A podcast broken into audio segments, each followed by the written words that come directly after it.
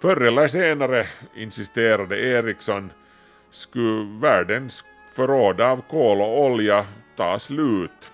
Ång och dieselmotorer skulle förvandlas till metallklumpar som bara var lämpliga som bojtyngder och de som fortfarande visste hur man transporterar gods över havet med bara vindens kraft skulle ha havet och världens fraktrutter helt för sig själva än en gång.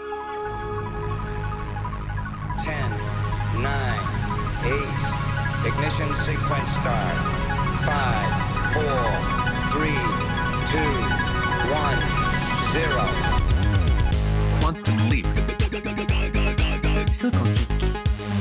Salto quântico. Salto quântico. Salto quântico. Salto quantico. Salto quantico. Salto quantico. Kvanthopp, det du inte visste att du ville veta. Energikris. Vilken energikris? Vi, bor ju i ett universum som är fullt av energi. Faktum är att allting är energi. Enligt formeln E är lika med mc i kvadrat. Materia är bara en av energins många uttrycksformer. Du är energi.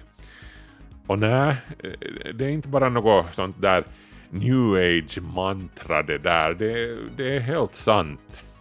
En någorlunda typisk människokropp på, säg nu 80 kilogram innehåller ungefär 70 triljoner joule. Det är ungefär lika mycket energi som i tusen Hiroshima-bomber. Tur nog så är materian i din kropp väldigt stabil så du, du kommer inte plötsligt att förvandla din hemstad till en enorm rykande krater.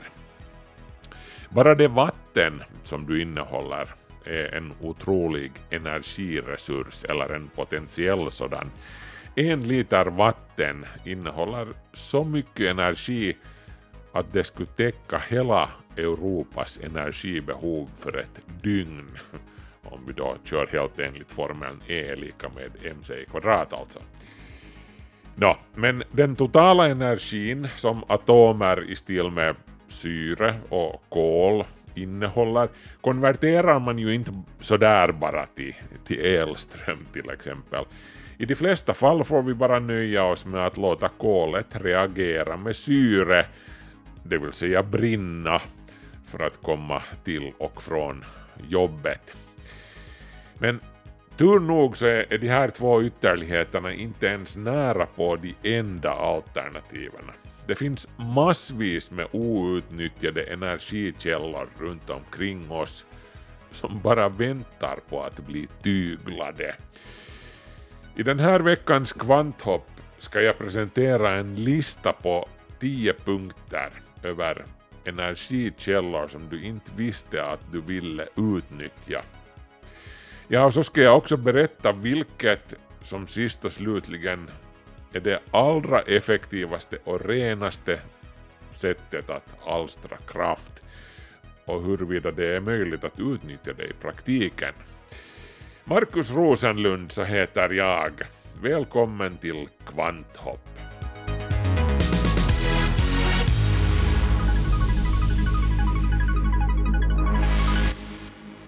Innan vi går in på listan över otippade sätt att producera energi, några allmänna observationer.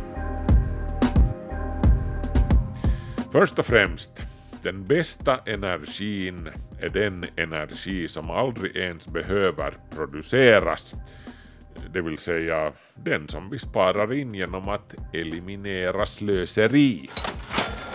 Precis som vi kunde eliminera en stor del av världens hungersnöd, helt enkelt genom att inte kasta så mycket mat i soporna, kunde vi också eliminera en stor del av världens energiunderskott helt enkelt genom att eliminera slöseri. Och jo, det inkluderar förstås de där uppenbara grejerna som att skruva ner rumstemperaturen där hemma om du har 25 grader eller så. Eh, eller att inte värma elbastun varenda kväll. Eller att ta cykeln till kiosken istället för bilen. Nå, du vet, sånt där som alla kan göra. Men visste du att en av de främsta formerna av slöseri, som man kanske inte ens tänker på, är friktion? Enligt en studie från forskningscentralen VTT använder världen sådär 100 miljoner terajoule varje år bara till att övervinna friktion. Det här motsvarar en femtedel av all producerad energi. Lejonparten av den här energin används av industrin, 29%, och av transportsektorn, 27%. VTT-forskarna studerar alltså energianvändningen i, i personbilar, lastbilar och, och bussar och kom fram till att det skulle vara möjligt att spara så mycket som 17,5 procent av energin som går åt till vägtransporter på kort sikt, det vill säga under 5-9 år eller så, genom bättre smörjning och undvikande av onödig nötning. Låt oss ta ner det här på individnivå. Hur mycket energi slösar din bränsledrivna bil bort i form av friktion? Eh, svar. Cirka en tredjedel av allt bränsle som du fyller i tanken går åt till att övervinna friktion. Saker som gnider mot andra saker. Av det här går 35% åt till att övervinna rullmotståndet i hjulen. Eh, ungefär lika mycket, det vill säga 35% går förlorat i själva motorn. 15% äts upp av växellådan och 15% går till kråkorna då du bromsar.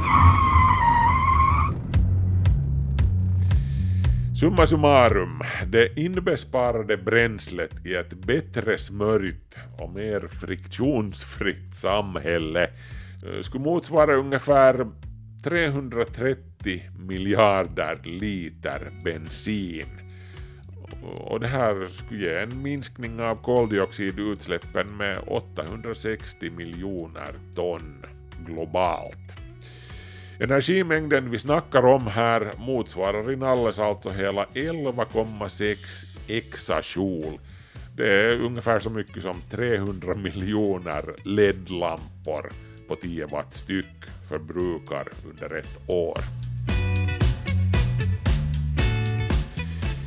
Men friktion är inte bara trafikens problem.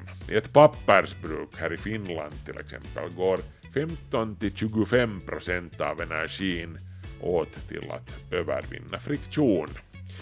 Den elström som används av en pappersmaskin den fördelas så här. 32 procent går åt till att övervinna friktion, 36 procent går åt till själva pappersproduktionen och masstransporterna och 32 procent är andra förluster.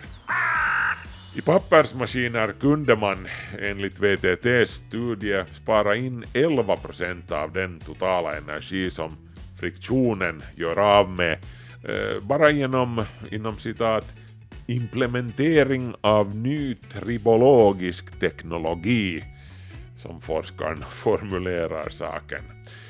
Och vad är tribologi nu då? Jo, tribologi är alltså vetenskapen om ytor i glidande eller rullande kontakt med varandra och omfattar friktion, nötning och smörjning. Ordet kommer från grekiskans tribo som betyder gnida. Kort sagt, dålig tribologi är ett stort och dyrt problem för samhället.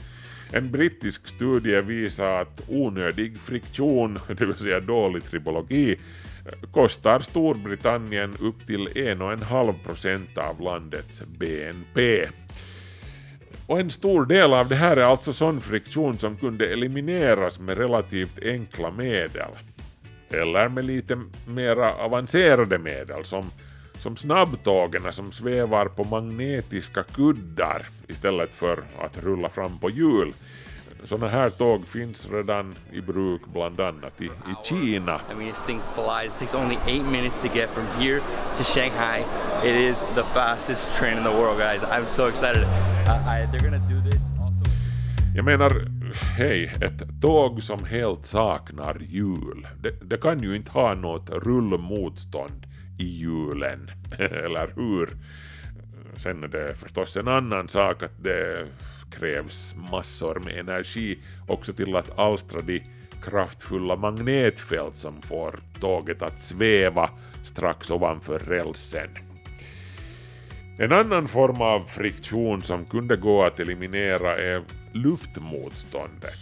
Multiindustrialisten och och bondskurken Elon Musk propagerar ju för sin supermetro kallad Hyperloop där tåget, eh, som också här svävar på magnetiska kuddar, eh, kör inuti ett rör eh, som man har pumpat ut den mesta luften ur. Det vill säga väldigt litet luftmotstånd råder där inne.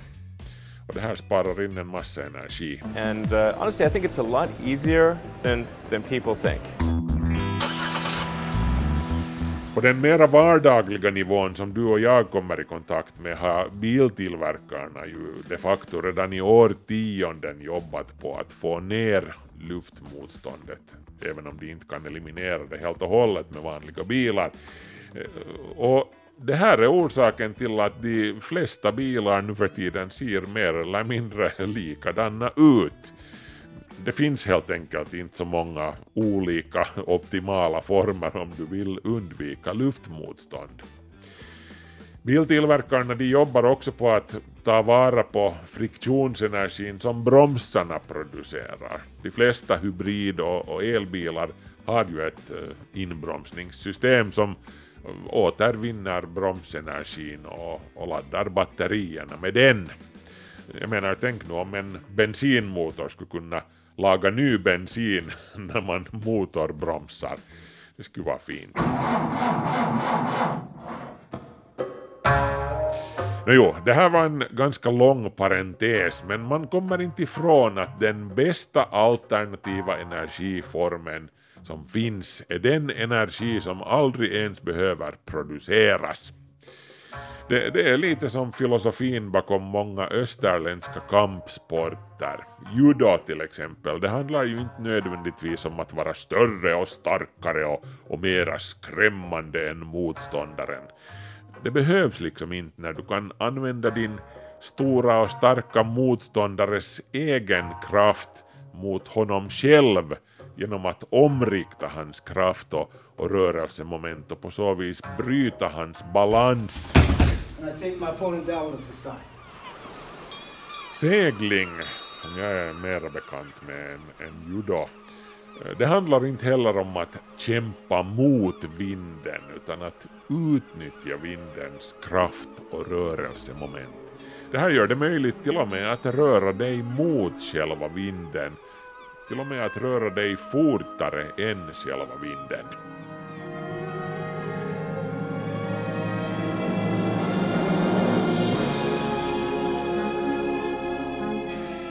Inte att undra på att segelfartygen väntas göra comeback på bred front i vår tid. Jag menar, före 1700-talet och de första ångdrivna fartygen gick ju all import och export till sjöss med vindkraft. De ostindiska kompanierna de var inga trädkramare minsann och de körde 100% med vindkraft. Annat är det numera. Av alla varutransporter i världen går 80% just nu sjövägen och världens fraktfartyg står följaktligen för cirka 3% av världens alla utsläpp av växthusgaser eftersom man kör på brännolja. Det här alltså enligt FN. Med andra ord, om sjöfarten var ett land, då skulle det vara den sjätte största koldioxidutsläpparen och släppa ut mera koldioxid årligen än Tyskland.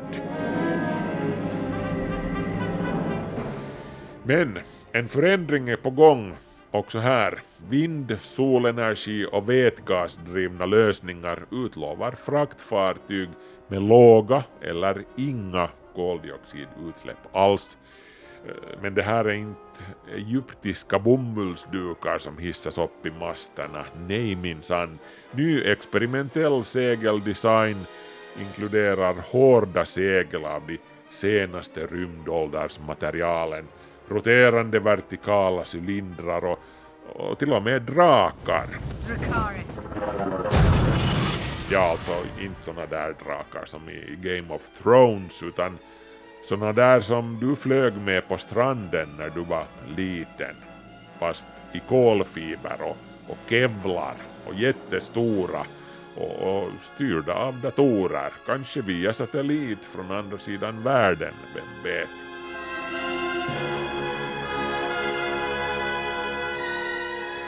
Gamle Gustav Eriksson skulle antagligen gilla den senaste utvecklingen har jag på känn.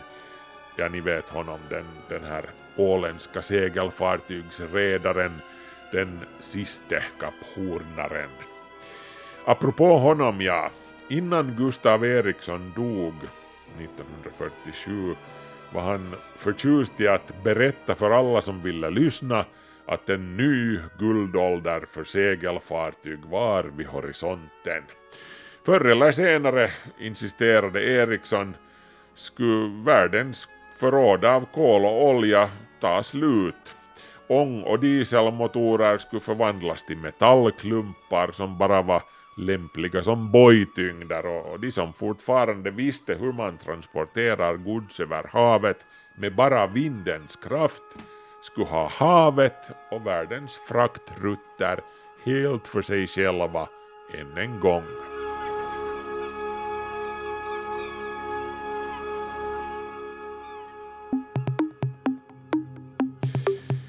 Hur som helst, eh, om jag skulle sammanfatta allt som det här avsnittet av Kvanthopp handlar om så skulle det kunna vara Work smarter, not harder. Jobba smartare, inte hårdare. Det här gäller förutom transportsektorn också när det kommer till energiproduktion och användning av andra sorter. Den bästa reaktorn är som sagt den som aldrig behöver byggas. Och då kommer vi till listan som jag utlovade. 10 fräscha knep för att få energin att räcka längre. 10 möjliga game changers. Eh, obs, obs för övrigt att sol och vind ju fortfarande är de stora grabbarna i det här sammanhanget. De regerar såklart, säkert också i framtiden. Men om vi tänker lite utanför boxen kunde Work smarter not harder-listan se ut så här. 1. All denna härliga kroppsvärme. Flera större städer har projekt som går ut på att ta vara på värmen som folkmassorna alstrar i de stora tunnelbanesystemen. Vi snackar om miljontals pendlare i alla dessa slutna tunnlar. Det genererar en enorm mängd värme. Tunnelbaneoperatörerna har länge sett den här överskottsvärmen från pendlarna som ett problem. De har varit tvungna att spendera avsevärda summor pengar på ventilationssystem för att avleda den här värmen.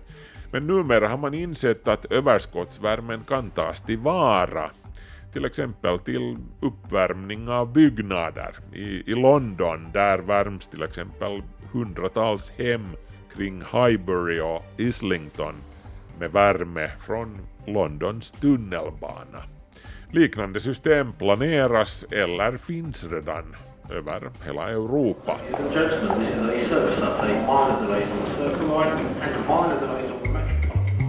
2. Konfiskerad sprit. Sveriges rikstullverk beslagtar årligen hundratusentals illegalt smugglade flaskor med alkohol. Och hej, varför hälla prima etanol i avloppet? Omvandla det istället till någonting användbart. Så här resonerar svenskarna. I samarbete med Svensk Biogas AB har Tullverket därför gått in för att omvandla den här gratisresursen till kraft. Så tidigt som 2013 körde bussflottor i mer än ett dussin svenska städer på biobränsle utspätt med smuggelsprit. Är det här inte redan en grej i Finland så hoppas jag sannerligen att någon tar itu med saken. 3. Vuxenblöjor som bränsle. Japan is aging. I mean, really aging. Japans befolkning åldras i rask takt, precis som Finlands. Även om den åldrande japanska befolkningen ger nationalekonomerna gråa hår har vissa sett det här som en intressant alternativ möjlighet till att generera el. Det japanska SFD-återvinningssystemet tar använda vuxenblöjor och steriliserar, pulveriserar samt torkar dem i en patenterad maskin och returnerar biomassa pellets redo för bränning i en lämplig ugn. Saldo cirka 5000 kilokalorier per kilo återvunna blöjor. Ingen dålig avkastning för en tidigare helt värdelös avfallsprodukt. Det här SFD-systemet kan processa runt 320 kilo använda vuxenblöjor per dag per enhet och har installerats bland annat på japanska äldreboenden och stora sjukhus. 4. Kraft från dansgolvet. Den kinetiska energin som genereras av våra vardagliga sysslor går oftast helt och hållet till spillo. Men nu har framförallt tunnelbanestationer, nattklubbar och gym börjat ta människors muskelkraft tillvara, bland annat med hjälp av piezoelektrisk kraftåtervinning. Piezoelektricitet genereras alltså av en viss sorts kristaller som reaktion på kompressionskraft. Elektriska cigarettändare har till exempel en sån här piezoelektrisk kristall som ger en tillräcklig spänning för att antända gasen, vilket resulterar i en låga. Om du har en yta som rör på sig av någon anledning så kan du fästa piezoelektriska kristaller på den och få ut små mängder energi. Och var har vi ytor som bångnar fram och tillbaka om inte i nattklubbar där tonvis med festfolk hoppar upp och ner hela natten lång till musikens takt. I Rotterdam i Nederländerna där har man insett det här och, och installerat piezoelektriska kraftfångare i dansgolvet. Så nu kan den här nattklubben hävda att de är hållbara tack vare sin boogie power. Piezoelektriciteten intresserar för övrigt också järnvägssektorn. Israel Railways har installerat 32 piezoelektriska energifångare längs en livligt trafikerad sträcka av den israeliska järnvägen. Det här låter de körda cirka 120 kilowattimmar tillräckligt för att driva signalljus och spårmekanismer och sånt. 5. Solfarmer i rymden. Vad kan vara mera futuristiskt än en massiv plattform med solpaneler som kretsar runt jorden och strålar ner elektricitet trådlöst till jordens yta? Ja, och på pappret så, så är det här ju win-win hela vägen. Inget behov av att täcka dyrbara jordarealer här nere med paneler och i rymden så är det ju aldrig mulet väder heller så produktionen skulle vara garanterad. Dessvärre ligger den här sortens alternativ elproduktion ännu långt i framtiden. Trådlös elöverföring från rymden till jorden och sen det här med att skydda solpanelerna mot meteoriter och rymdskrot och den stora kostnaden för att skjuta upp all hårdvara i omloppsbana är bara några av stötestenarna. Men det finns hur som helst de som menar att solkraftverk i rymden bara är en fråga om tid. Och i praktiken kan ett rymdsolenergiprojekt fungera ungefär så här. En stor geostationär solanläggning, alltså en som alltid ligger över samma punkt på jordytan, skulle samla in och fokusera ljuset från solen. Fotovoltaiska celler skulle sedan omvandla det ljuset till elektricitet och den elektriciteten skulle sedan användas till att driva en mikrovågslaser riktad mot en markstation på jorden där mikrovågsenergin skulle fångas upp och omvandlas tillbaka till elektricitet. 6. Vindkraftverk i rymden. Solkraftverk i rymden, det är nu ännu kanske inte sådär jättelångsökt, men vindkraft. Jag menar, det råder ju vakuum där ute, det finns ingen luft. Jo, men ser du, solvinden, som är en riktig grej, består av massvis med laddade partiklar som solen spottar ut i extremt höga hastigheter. Och i princip skulle de här kunna användas till att alstra ström, de här partiklarna. Ett solvindkraftverk i rymden skulle bygga på en lång, rak, strömförande koppartråd riktad mot solen, säg nu en kilometer lång. Strömmen som tråden leder skulle alstra ett magnetfält runt tråden. Och det här magnetfältet skulle sedan fånga in elektroner från solvinden och leda dem till en mottagare som är placerad på tråden. Eh, kanaliseringen av elektroner genom den här mottagaren skulle producera ström, varav en del skulle matas tillbaka till koppartråden för att uppehålla trådens magnetfält. Resten av strömmen skulle omvandlas till en mikrovågslaserstråle igen riktad mot en mottagarstation på jordytan igen. Ett stort solsegel i ändan av tråden skulle sedan hjälpa till att stabilisera den här satelliten och hålla den på plats. 7. Skörd och återvinning av radiovågor. Ett internationellt forskarteam lett av Manos Tenceris har utvecklat en teknik för att återvinna och samla in energi från flera radiokällor, inklusive trådlöst internet, tv-sändare, mobiltelefoner och, och mycket mera. Insamlingsprocessen använder ultrabredbandsantenner som kan ta emot ett stort urval av signaler över olika frekvensområden. Jag menar, eh, radiosignaler och andra elektromagnetiska frekvenser, de omger ju oss jämt och ständigt och, och de är ju energi. Energi som i praktiken går till kråkorna fullständigt i dagens läge. Efter att vi har sett det där TV-programmet eller googlat den där grejen som vi skulle googla.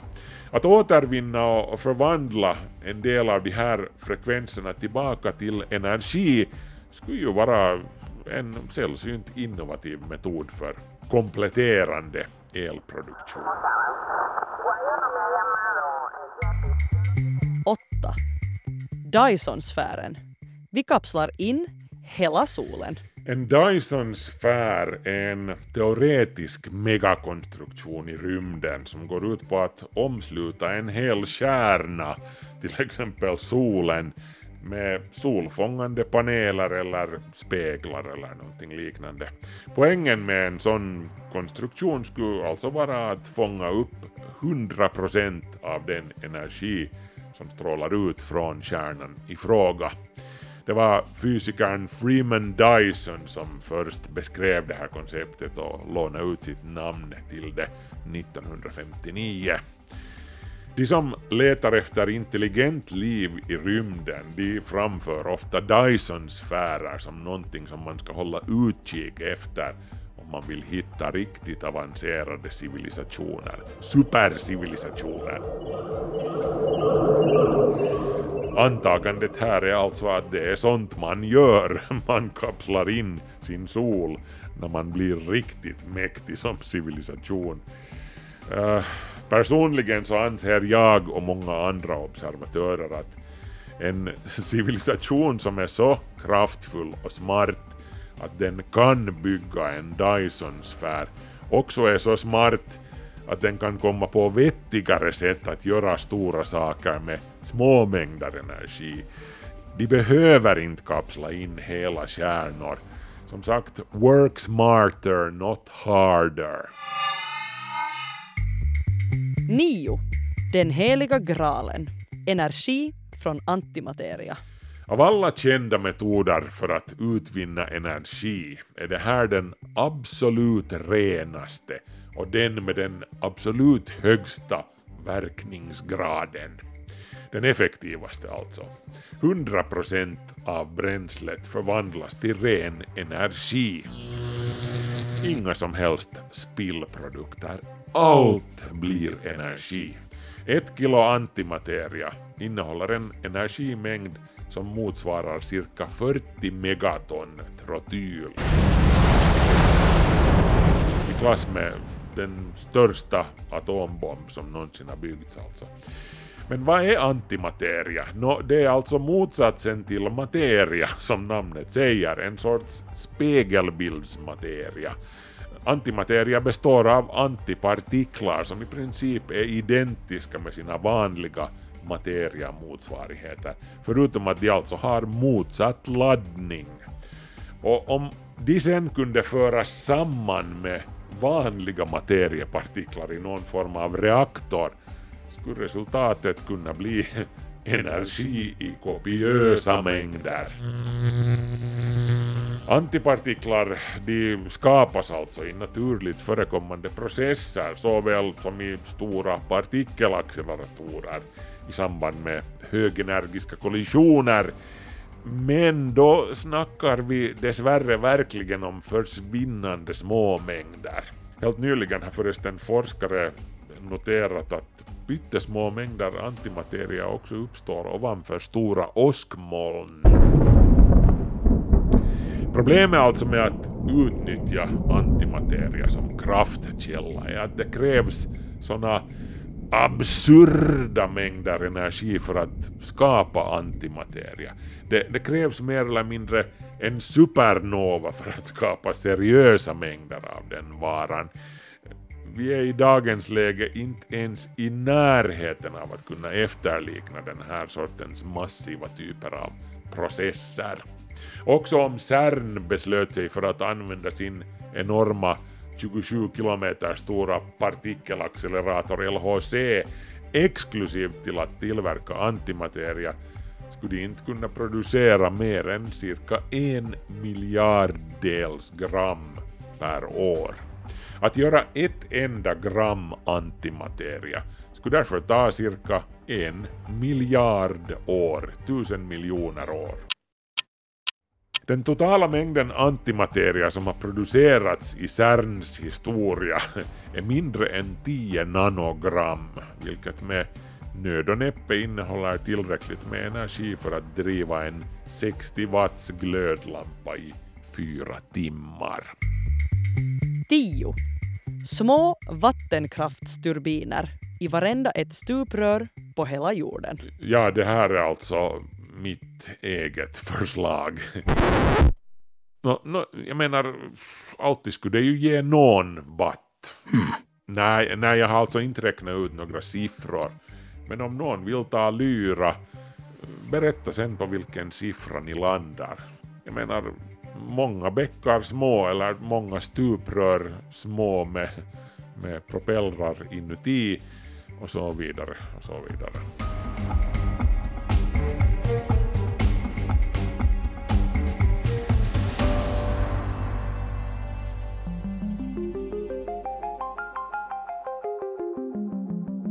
Och med det här är Kvanthopp slut för den här veckan. Markus Rosenlund så heter jag som påminner er om att ni kan kontakta oss via kvanthopp.yle.fi eller via vår Facebook-sida.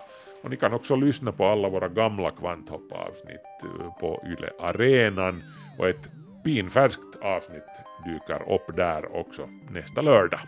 Vi hörs om en vecka. Ha det bra!